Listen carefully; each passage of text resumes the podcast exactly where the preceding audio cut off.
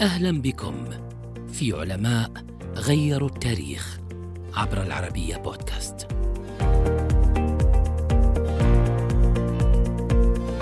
وصف بأنه أعجوبة دهره ونادرة الفلك في زمانه ولقب بأبو الفلسفة العقلانية العربية.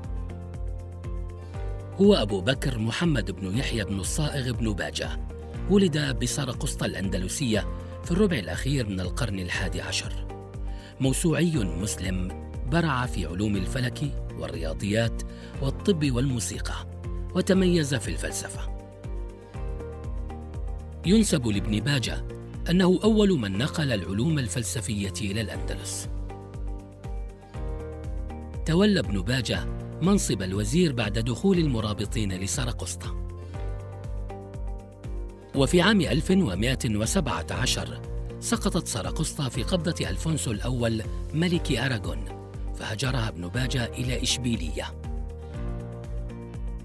توسع ابن باجة في دراسة الفلك بإشبيلية وامتهن الطب إلى جانب الفلسفة.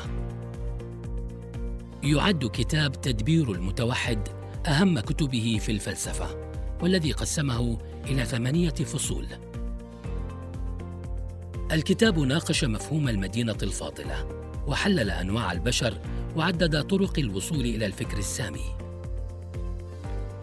آمن ابن باجة بمبدأ العزلة عن مجتمعات الجهل والفساد ومن يفتقرون إلى المعرفة.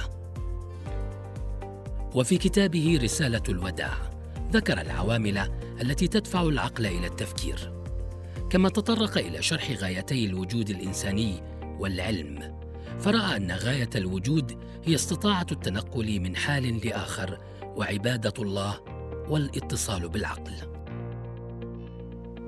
وقال إن العلم النظري وحده قادر على الوصول بالإنسان إلى فهم ذاته وفهم العقل الفعال.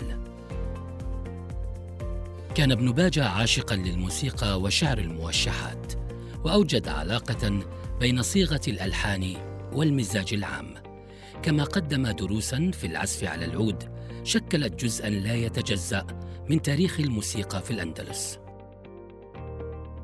تنقل ابن باجة في عدة مدن أندلسية قبل أن يستقر في مدينة فاس المغربية. هاجمه الأديب الفتح بن خاقان في أحد كتبه وقال إنه مشهور باشتغاله في سفاسف الأمور. يقال إنه قتل بسم وضعوا له أقرانه من الأطباء بسبب غيرتهم. توفي ابن باجة عام 1138 بعدما أثرى التراث الإنساني بسبعة وعشرين كتابا في مختلف المجالات